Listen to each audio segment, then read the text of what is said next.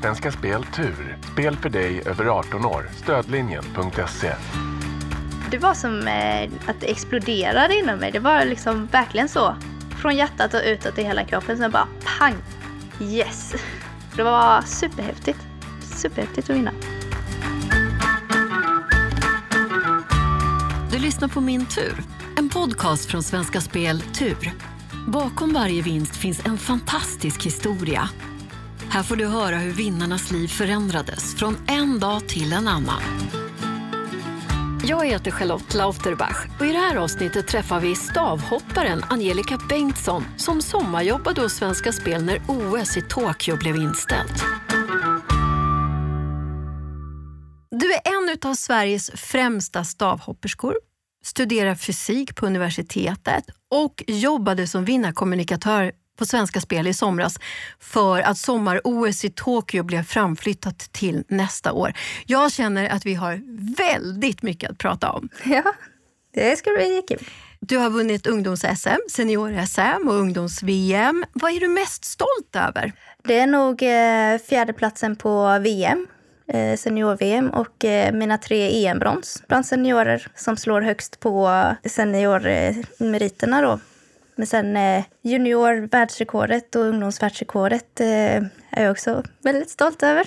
Ja, och du har det svenska rekordet inomhus för du har hoppat 4,81 meter. Ja. ja, det är ju galet! Alltså. Men vad är skillnaden på att hoppa inne och ute för någon som mig som inte kan sånt? Det är lättare inomhus för att det, det inte finns någon vind som kan eh, ja, förstöra hoppet eller göra eh, hoppet eh, farligare.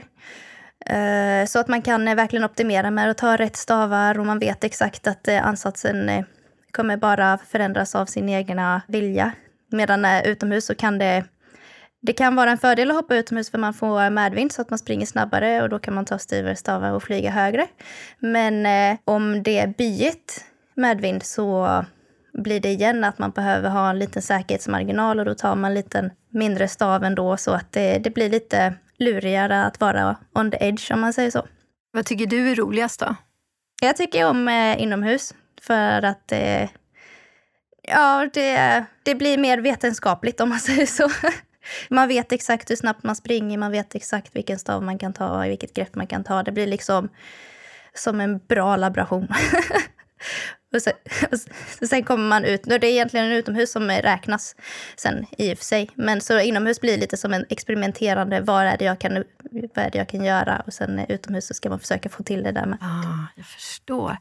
Det här kanske är en dum fråga, men hur funkar det? Alltså, satsar du på att du ska hoppa en speciell höjd och så tränar du då tills du har kommit till just den? Eller blir det bara så här, åh, idag hoppade jag så här högt? Ja, det blir nog lite mer, eh, åh, idag hoppade jag så här högt. För eh, det kan vara i flera år som man har haft eh, inkapacitet att hoppa en viss höjd. Eh, man kan ha hoppat en viss höjd när ribban har varit på 4,40 men så var, inte ribban på 4,80 när man just då. Så det, det, blir lite, det blir lite flummigt på det viset.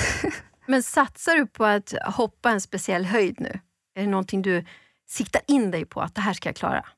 Ja, absolut. Min träning går ut på att jag ska hoppa fem meter. Så jag har, jag har eh, undersökt vad det är som krävs för fysiska kapaciteter för att klara att hoppa fem meter och så. Och sen eh, strävar jag mot att eh, springa så snabbt på träning och hoppa så långt i längdhopp som krävs och styrka, marklyft, eh, frivändningar och sådana saker. Men just att eh, sätta i styva stavar på träning, det kan man inte öva på till exempel. Så på träning så kommer man inte upp eh, så högt som man gör på tävling. Men du, hur kändes det när du fick veta att det inte blev något OS? Nej men det var ju som att man eh, eh, drog bort mattan under fötterna. Eh, för eh, är det någonting som man vet eh, är säkert i livet så är det att OS kommer var fjärde år. Så det var absolut en omställning som ja, var svår att hantera. Men eh, ja, jag, jag, tog aktion och jag sökte jobb. ja, vi ska prata om det. Men hur länge hade du tränat inför det? Ja, det blir ju... Alltså egentligen, jag bestämde mig för att jag skulle bli eh, bäst i världen när jag var 11 år, så då blir det väl egentligen sen dess då. Och dessutom, jag körde mitt första OS 2012 när jag var 19 år. Då var det bara att gå och se och lära. Och sen eh, gjorde jag Rio-OS också och då var det mer, okej okay, nu har jag redan sett och lärt, nu ska jag ge, ge den en chans. Och sen nu till det här OSet, då skulle, nu är jag 27 år och jag är i eh, den gyllene åldern om man säger så. Så det, det är ju det här OSet som jag alltid har tränat för. Så då, då blir det ju verkligen, eh, man vet inte vad som händer om fyra år. Sen satsar jag på, på Eh, Paris-OS också. Men eh, i fyra år fram till OS så är det bara OS som gäller hela tiden. På VM till exempel, när jag höll på med att riva ut mig i kvalet, då var det liksom tanken som var i huvudet var, men det är inte OS i alla fall, om jag river ut mig nu. Men nu är det ju då antagligen så att det blir OS i Tokyo 2021. Är du rädd för att du inte kommer vara lika bra då, nu när det har blivit uppskjutet? Nej, jag och många andra tror jag också har nog tagit tillvara på det här året till att eh, jag hittade en eh, starkare motivation och eh, tränat på saker som man inte annars skulle ha tid med för att det skulle vara en massa tävlingar istället. Eh, nu har jag tävlat en massa i sommar för att jag har haft turen att vara i Sverige där de har fixat eh, tävlingar åt oss. Men det har varit andra sorters tävlingar på lägre nivå där man ändå har fått hitta motivationen inom sig själv på något annat sätt. Så jag tror att jag och eh, många andra kan vara bättre nästa år just för att eh, man har gått igenom ett 2020.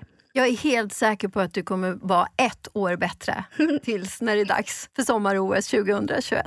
Tack, tack. Men du, det är ju väldigt många av oss som har blivit besvikna och fått göra om våra planer i och med pandemin. Men vad hände det då när det stod klart för dig att nej, det blir inget OS i sommar? Ja, det, det blir ju att eh, inför OS så har man lite ångest. Här, men vad händer efter OS? Och så tänker man, jag, tänk, jag tänker inte tänka på vad som händer efter OS för att nu koncentrerar jag mig på OS. Och då blev det att den här, vad händer nu, kom tidigare. som, utan att man var beredd på det. Och dessutom eh, den här eh, ovissheten, den, eh, den var ju jobbig att leva med. Så då ville jag ha någonting att göra mer om dagarna för att jag hade tagit ett uppehåll från mina studier på universitetet i ett år. Så där på våren då så fann jag mig utan något mål inom idrottskarriären och utan några studier också. Så då sökte jag jobb. ja, och så fick du sommarjobb istället för att åka till Tokyo och tävla. Men du liksom fick jobba med vinnare, för du blev vinnarkommunikatör på Svenska Spel. Ja, himla glad över det. Det var, var väldigt kul att, att få jobba för Svenska Spel. Och hur fick du jobbet då? Eh, Svenska Spel är sponsor till eh, Sveriges olympiska kommitté också och hade redan valt ut mig som en av ambassadörerna. Så när jag började söka jobb så kände de att de hade de ville hjälpa till och uh, så frågade de om, eh, om jag ville jobba som vinnarkommunikatör. Och, uh, och det ville jag. jag tycker det verkar jätteroligt. Vad tycker du har varit det bästa? Det var spännande, för man visste inte om de skulle svara. Och Sen var det också spännande den tiden när det var andra chansen. För då var det en himla utmaning med att eh, övertyga dem om att de hade faktiskt vunnit en miljon. För att på alla andra eh, vinster så kunde man ändå säga, ja, men logga in på ditt konto så ser du att pengarna har kommit in. Medan på andra chansen så, så skulle de inte få pengarna förrän jag hade ringt dem och då hade inte pengarna kommit in till dem ännu. Så det var väldigt svårt att övertyga dem. De trodde inte dig när du ringde? Nej. Men jag var jätteglad för, jag, eller så här, jag var väldigt glad över min eh, mentor som eh, var med mig hela vägen. Men du, innan vi pratar mer om just ditt jobb som vinnarkommunikatör så tänker jag så här, man blir så nyfiken om vem du är och så. Hur skulle du själv beskriva dig? Jo, men jag är uppvuxen på landet tillsammans med mina fyra systrar. Eh, med mamma från Brasilien och pappa från Sverige då. Och som vanliga latinas så är mina syskon väldigt högljudda medan jag blev den som blev rätt tyst. Och eh, jag har väl eh, alltid haft en vinnarskalle på det viset att jag vill liksom utvecklas eh, rent eh, prestationsmässigt men inte riktigt att eh, inte haft ett jättestort begär av att slå andra men att utvecklas själv. Hur märktes det när du var liten? Jag har tre systrar som är äldre än mig och sen en lilla syster. Men eh, de äldre de började med friidrott innan mig då. Eh, och då fick jag börja samtidigt som dem. Så då fick jag lära mig av dem och eh, allting som de fick lära sig, typ deras skolböcker och sånt. De liksom satt jag och läste, för jag ville kunna allting som de kunde. Och på så vis så utvecklades jag rätt så snabbt. Håller de fortfarande på med det? Nej, mina systrar håller inte på med friidrott längre.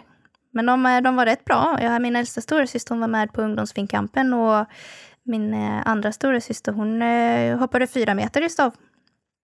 Vilket på den tiden var väldigt bra. ja, jag tycker det låter fantastiskt bra jag också. Men du, vad gör du helst på fritiden då? På fritiden? Jag, jag försöker hjälpa min familj mycket med att passa barn, mina syskonbarn och hjälpa pappa ute på gården. Jag har börjat med lite nu på sistone. Uh, och ehm, spelar instrument, klarinett och flöjt. Men allra mest liksom, om jag har någon stund över så sitter jag och försöker uh, göra nya formler för att analysera min träning och ja, ekonomin och, och så. Så jag, så jag brukar nörda ner mig i siffror när jag har tid över. Du älskar statistik helt enkelt? Ja, jag älskar verkligen statistik. Varför då? Vad är det som är så häftigt med det? Ja, det, det vet jag inte. Ja, jo, jo, men det är väl att kunna förutse saker. Så jag har gjort ett eget system för att förutse hur det ska gå på tävlingar till exempel.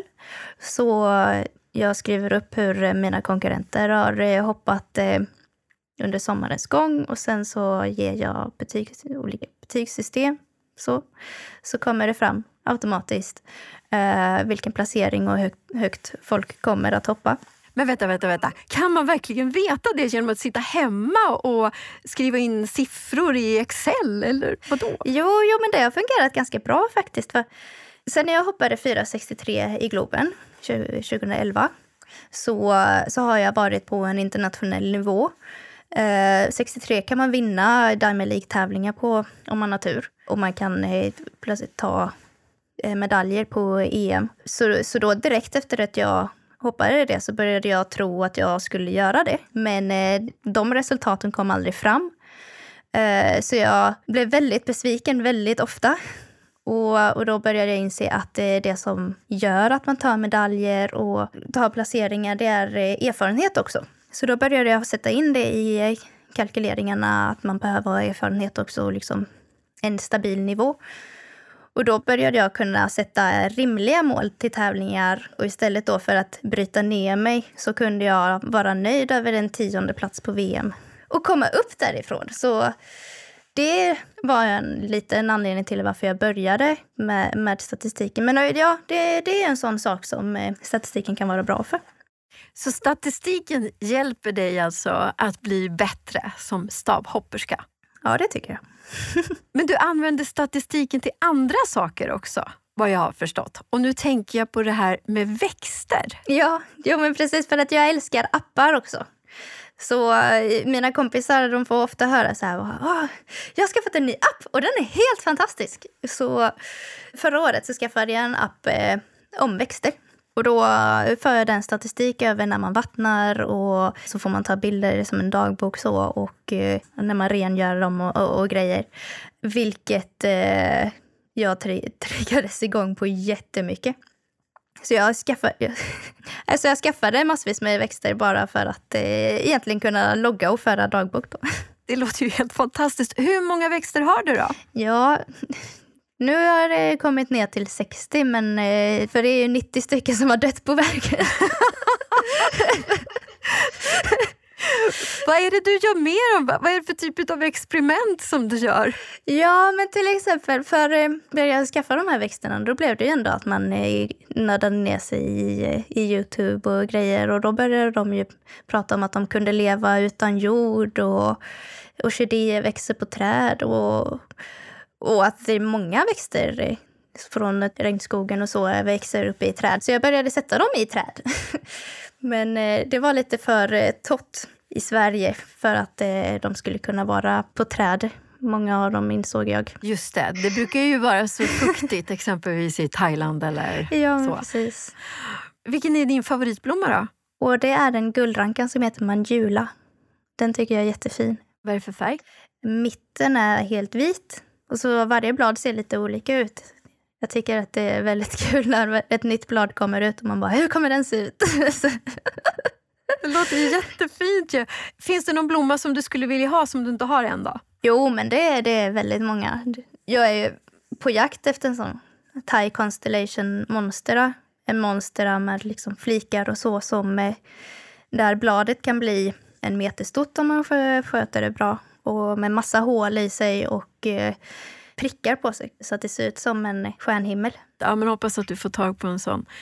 Men du, jag tänker så här, du gör så mycket. Jag menar, du jobbar, du, du pluggar, du tar hand om 154 växter eller då för all del 60 just nu och du koncentrerar dig på ditt jobb som elitidrottare också. Hur hinner du? Har du någon slags statistik som hjälper dig med det också? Jag har utvecklat en kalender som, eh, som listar ut hur man ska sätta upp dagen. För jag har ju inte någonting... Det är bara träningen där jag måste gå någonstans. Men sen så vill jag ju göra mina...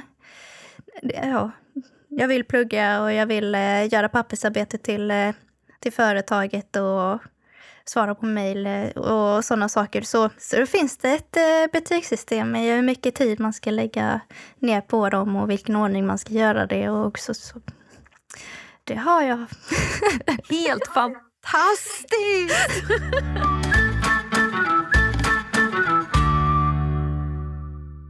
gå till eh, ditt sommarjobb här som vinnarkommunikatör. Du ringde upp de stora vinnarna, de som vann en miljon och uppåt. Jag tänker att det måste vara jättekult att en stavhoppsstjärna ringer upp med den här nyheten också. Ja, det var några som kände igen mig.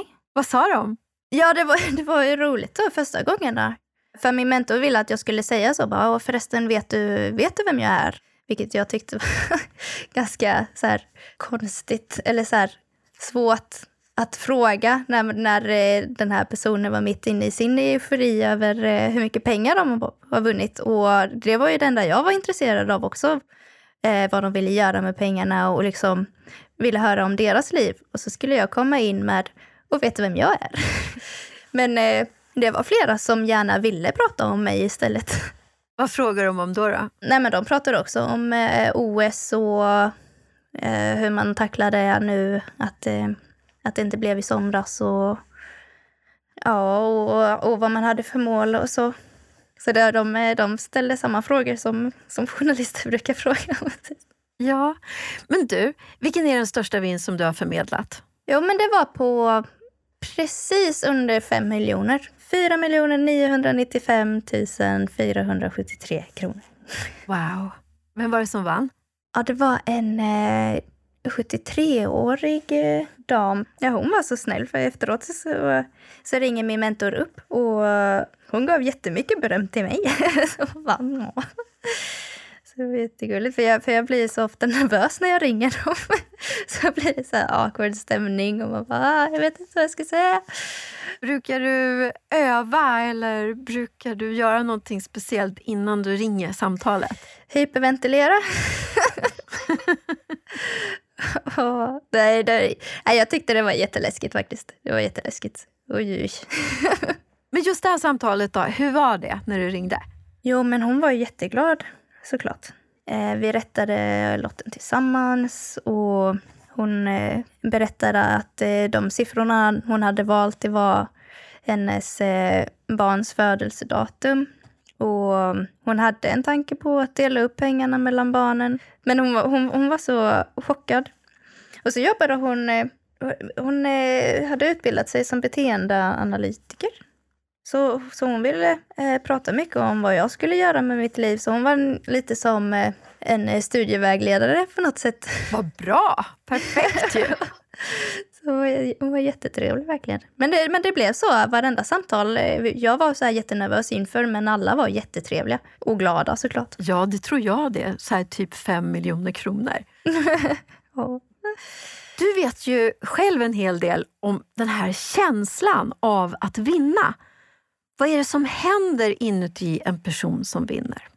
Ja, i, eh, i somras så tävlade jag i Lausanne och då hade jag med min lilla syster och då var det verkligen bara fokus vinna tävlingen. Det var inte så mycket fokus på att eh, ta ett rekord eller någonting sånt där, utan det var bara vinna tävlingen. Och det gjorde jag i eh, sista försöket framför en väldigt stor publik. Och då var det verkligen så här, det var som eh, att det exploderade inom mig. Det var liksom verkligen så. Från hjärtat och utåt i hela kroppen. Sen bara pang! Yes! Så det var, det var superhäftigt. Superhäftigt att vinna. Och hur skulle du säga att man förändras som människa när man har vunnit? Ja, jag tror att när man eh, blir så glad så, så är man glad väldigt länge efteråt. Och att då gå runt på stan och vara så glad, man gör så många andra människor glada. Så jag vet, vi cyklade, vi cyklade här på stan eh, och var på väldigt dåligt humör. Och så var det någon tjej som jag mötte på cykeln som bara var jätteglad. och liksom, hon gjorde min dag. Just det, så just att man sprider glädje och så blir andra glada. Ja, men precis. Det är ju jättefint. Nu är ju du en vinnare på grund av skicklighet, men jag vet att vi har haft med en och annan vinnare här i podden som har sagt att de har fått en annan grund att stå på och på så vis har de fått ett bättre självförtroende också. Vad tänker du om det? Ja, ja det är klart man får bättre självförtroende när man har vunnit. Så är det ju. Jag tävlade i Göteborg i, eh, i somras och då, då kom jag precis efter en förlust. Och eh, i Göteborg så var det jättedåligt väder och man kunde inte prestera. Men eh, jag kämpade. Och, och det blev en väldigt jämn tävling ändå. För det var en annan brittiska som också bara kämpade och vi låg lika väldigt länge och till slut så vann jag. Och det blev verkligen en sån här, jag vann inte på en så bra höjd, men vinsten gjorde att jag kunde komma till flera tävlingar efteråt och vara trygg i att jag kunde vinna. Och då kom jag också till tävlingen med ett leende efteråt också. Under den här perioden och månaderna innan du fick veta att OS inte skulle bli den här sommaren, hur såg dina dagar ut? Mitt fysikerprogram har gått på distans hela tiden. När jag väl har gått på, i skolan, vilket jag gör nu då igen, så läser jag när jag känner för det. Så då gör jag det mitt på dagen. Och så tränar vi på kvällen, för jag har eh, många i min grupp som går i skolan. Och eh, vi gör så explosiva övningar hela tiden. När vi springer till exempel, det kan man klassa som en eh, kontaktspott. Eh, det påverkar kroppen på, på ett liknande sätt som om man skulle liksom sparka i marken varje gång. Så det blir inte så många timmar träning. Men eh, det är ändå mjölksyra och koncentration hela tiden. Så det är eh, påfrestande arbete ändå. Och att hålla motivationen då när man inte visste om man skulle få tävla någon gång igen. Det var tufft. Men eh, jag svor när jag var 11 år på att jag skulle bli bäst i världen. Så när jag hade till exempel mina tuffa år i Frankrike, då var det liksom jag måste fortsätta för den 11-åriga Angelicas skull. Så det, så det har lite varit så här, en bild av gamla mig där. Så drivkraften hämtar du i vad du lovade dig själv som 11-åring? Ja, det är nog den huvudsakliga drivkraften. Ja. När jag är programledare i radion och någon vinner någonting så brukar en del bli så glada. Vilken är den gladaste vinnaren som du har pratat med? Ja, det jag minns mest är nog en av de första. Han behövde ju pengarna till ett lån och vet, han var också väldigt glad över att prata med mig. så han var väldigt glad, det var väldigt roligt. Dubbel vinst! Nej, för det, för det var också väldigt många som blev eh, så chockad att man inte kunde säga någonting. Det var jag helt... Det förväntade jag mig att folk skulle bli, för det skulle jag bli. Jag skulle, jag skulle också så bara, ja, det här smälter jag om tre dagar. Eh, hej då. Och det, och det var en del som reagerade så. Så bara, ja, okej, hej då. Men eh, det var väldigt roligt med dem som, eh, som trodde mig. Men du, hur känner du dig när du ger en sån här nyhet som faktiskt ändå kan förändra en människas liv? Det, det, det var en fantastisk upplevelse. När, när man fick höra också hur de berättade hur det skulle förändra deras liv. Liksom. Det, var, det var superhäftigt. Det var helt otroligt. Vad har de gjort för typ av förändringar i livet då? Ja, det var att betala av lån och eh, fira med sin familj, ge till sina barn. För eh, nu kunde man ju inte åka på semester. Så den försvann ju Och ja, så det kändes ändå som att pengarna gick eh, ändå till, eh, till någonting väldigt bra. För eh, det här är väl ett sånt år när man inser att familjen är väldigt betydelsefull också. Du har ju sagt så här, en del de blir glada och en del de förstår inte riktigt sådär vad det är som har hänt. Finns det någon mer reaktion som du har fått när du ringer? Ja, det, har, det, det var ju några stycken som bara nej, nej, nej, nej. Det hände inte liksom. De trodde inte på dig. Det var, ja, det var väldigt roligt. Det var ju någon jag ringde som, eh, där det var typ frun som svarade. Och hon ville liksom inte berätta när mannen skulle bli tillgänglig eh, eller så. För jag kunde inte berätta att eh, han hade vunnit till, till henne liksom. Så hon undrar vad är det där för tjej som ringer? Ja, det vet jag inte. Men fick du ringa tillbaka då eller vad hände? Ja, ja till slut så, så, så fick vi tag i honom. Fick tag i något annat nummer och, och så. Så det var, det var spännande att vara lite så detektiv också. Du skrev ju pressreleaser också för de som vann stort. Men när jag tittar på de pressreleaserna så ser jag att det finns tillfällen då du och även dina kollegor då inte har fått tag på vinnaren. Svarade de inte på telefonen då eller? Ja, det var ju någon gång då det var typ, jag skulle ringa typ fem personer. Och det var ingen av de fem personerna som svarade. Jobbigt och så har du laddat och laddat och känner dig lite nervös och sen så svarar ingen utav dem. Ja, men precis för att, för att då var det en av dem som var, som fyllde 70 år den dagen. Så då var man så här jättetaggad. Så bara, wow, på hennes 70-årsdag så ska jag få ringa och säga att hon har vunnit en miljon. Och så svarade hon inte. Så det, det, var, det var trist. Men sen så svarade hon sen. Så vi, eh, vi var ju ändå så att vi ringde flera gånger och ibland flera, flera dagar i rad. Så. Så hon fick en sen 70-årspresent. Ja, eller vi, vi, vi lyckades komma in mitt i kalaset. Och då, eh, men då var hon inte så glad. För hon var så stressad. Så, så jag vet inte, hon ville inte tro på det eller så ville hon bara gå vidare med livet. Men eh, hon bara la på. Spelar du själv? Jo, men det gör jag faktiskt. Så nu på Finnkampen så var vi några stycken som spelade på, på några fotbollsmatcher. Då vann jag 1500. Jaha, oj, det är ju bra. Vad är det mesta du har vunnit? Det är nog den faktiskt som, som blev störst. Vad skulle du göra med pengarna om du skulle vinna en sån där jättestor vinst då? Jo, men det är upptala av lånet och sen sätta dem på fonder, se, dem växa. Eh, spara dem till jag skaffar familj. Sådana kanske tråkiga saker, men eh, ja, det skulle jag göra. Förnuftiga saker.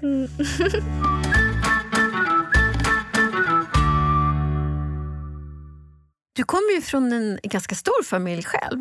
Eh, fyra systrar, fem syskonbarn. Så här, vad betyder pengar för dig? Ja, eh, ja, jag är uppvuxen på landet, så jag hade en mil till närmsta busshållplats. Jag hade ingenstans att konsumera pengar.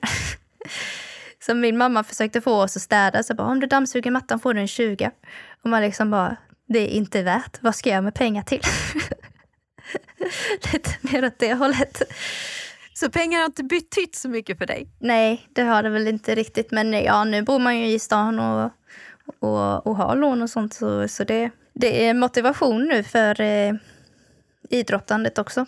I början så var det äran och nu så är det lite mer ett jobb. Liksom. Ja, för vinner du pengar i tävlingarna också? Förutom medalj och ära och så. Jo, jo men precis. Och hur mycket pengar kan man vinna? Ja, de största tävlingarna vi har eh, det är eh, Diamond League då och då vinner man 100 000 på eh, om man vinner den tävlingen. Och OS? Nej, OS, i OS vinner vi inga pengar på.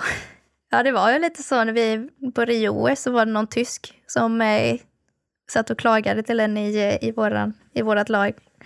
Och bara, "Ah, vi får bara en kvarts miljon om vi vinner OS. Och vi bara, vi, vi får blommor. Jaha, så det kan vara olika för olika länder? ja. Fast det verkar ju jättestort att vara med om ett OS. ja, men absolut. Det, det är ju ändå äran man gör det för i första hand, eller i alla fall jag. Nej, det är, det är jättehäftigt att vara med på ett OS. En eh, otrolig upplevelse. Har du några förebilder? Min pappa var eh, spjutkastare när han var liten, när han var ung. Eh, så när eh, OS i Sydney gick och OS i Aten gick så var det hela tiden Åh, Teodor Pitkimäki kastar spjut på tv nu! Och alla bara springer till tvn och bara wow! Och så, så Teodor Pitkämäki var länge min, eh, min idol. eh, faktiskt. Och jag ville väl vara spjutkastare till, först, men sen eh, var jag inte så jättebra på det. Men eh, såklart att man också har studerat Sergej Bubka mycket och Isenbajeva som var världsrekordhållare då. Eh, var Bubka. Isenbajeva är det fortfarande. Eh, men jag har inte sett upp till dem. Stor respekt, men eh, inte så att jag har eh, sett upp till dem. För att jag eh, lever med mottot den som går i andra spår kommer aldrig först. Så om jag försöker göra precis som dem så kommer jag inte bli bättre än dem. Så jag har eh, studerat hur jag ska göra saker bättre än dem. Och då har jag hittat några punkter så. Och nu har Mondo kommit och gör de sakerna bättre. Så, så Mondo säger jag väldigt mycket upp till nu då. Um, men eh, sen nu så hittade jag faktiskt på att eh, för att ta OS-guld nästa år då. Det har ju inte Mondo tagit ännu. Men eh, Carolina Klüft har tagit det. Men om jag skulle ha Carolina Klüft som eh, idol, då skulle jag inte kunna ta OS-guld för att man blir ju inte bättre. Man blir inte lika bra. Då skulle jag bara ta OS-silver. Men Carolina Klüft, hon hade Carola som idol. Så nu har jag börjat lyssna mycket på Carola. Underbart! nu kommer OS-guldet. Det är klart det gör. Och vad är din högsta dröm som stavhopperska? Ja, men det är OS-guld och eh, världsrekord. Jag vet inte vad som väger tyngst. Men eh, världsrekord är ju ändå en prestation som man liksom... Wow, wow, jag har hoppat högre än någon någonsin gjort. Och som jag har gjort det som ungdom och junior så, så fattas det bara senior. Men OS-guld, det blir lite... Har man inte tagit OS-guld... Eller så här, man vet ju om alla som har tagit OS-guld. Och vill ändå bli ihågkommen efter, efter karriären. Liksom. Du vill stå med i historieböckerna? Det vill jag. Så det är väl huvud, huvudgrejen. Alltså jag hoppas att du kommer få det. Och jag hoppas att du får tag på den där blomman också, som inte jag kommer ihåg vad den hette, Monsteria någonting. Mm. Och sen så hoppas jag att du kommer vinna storvinsten också. Ja. Stort lycka till i framtiden! Tack så mycket! Tack själv för att du var med och berättade i min tur, Angelica. Min tur produceras av I Like Radio för Svenska Speltur. Inspelning, originalmusik och produktion av Kristoffer Folin.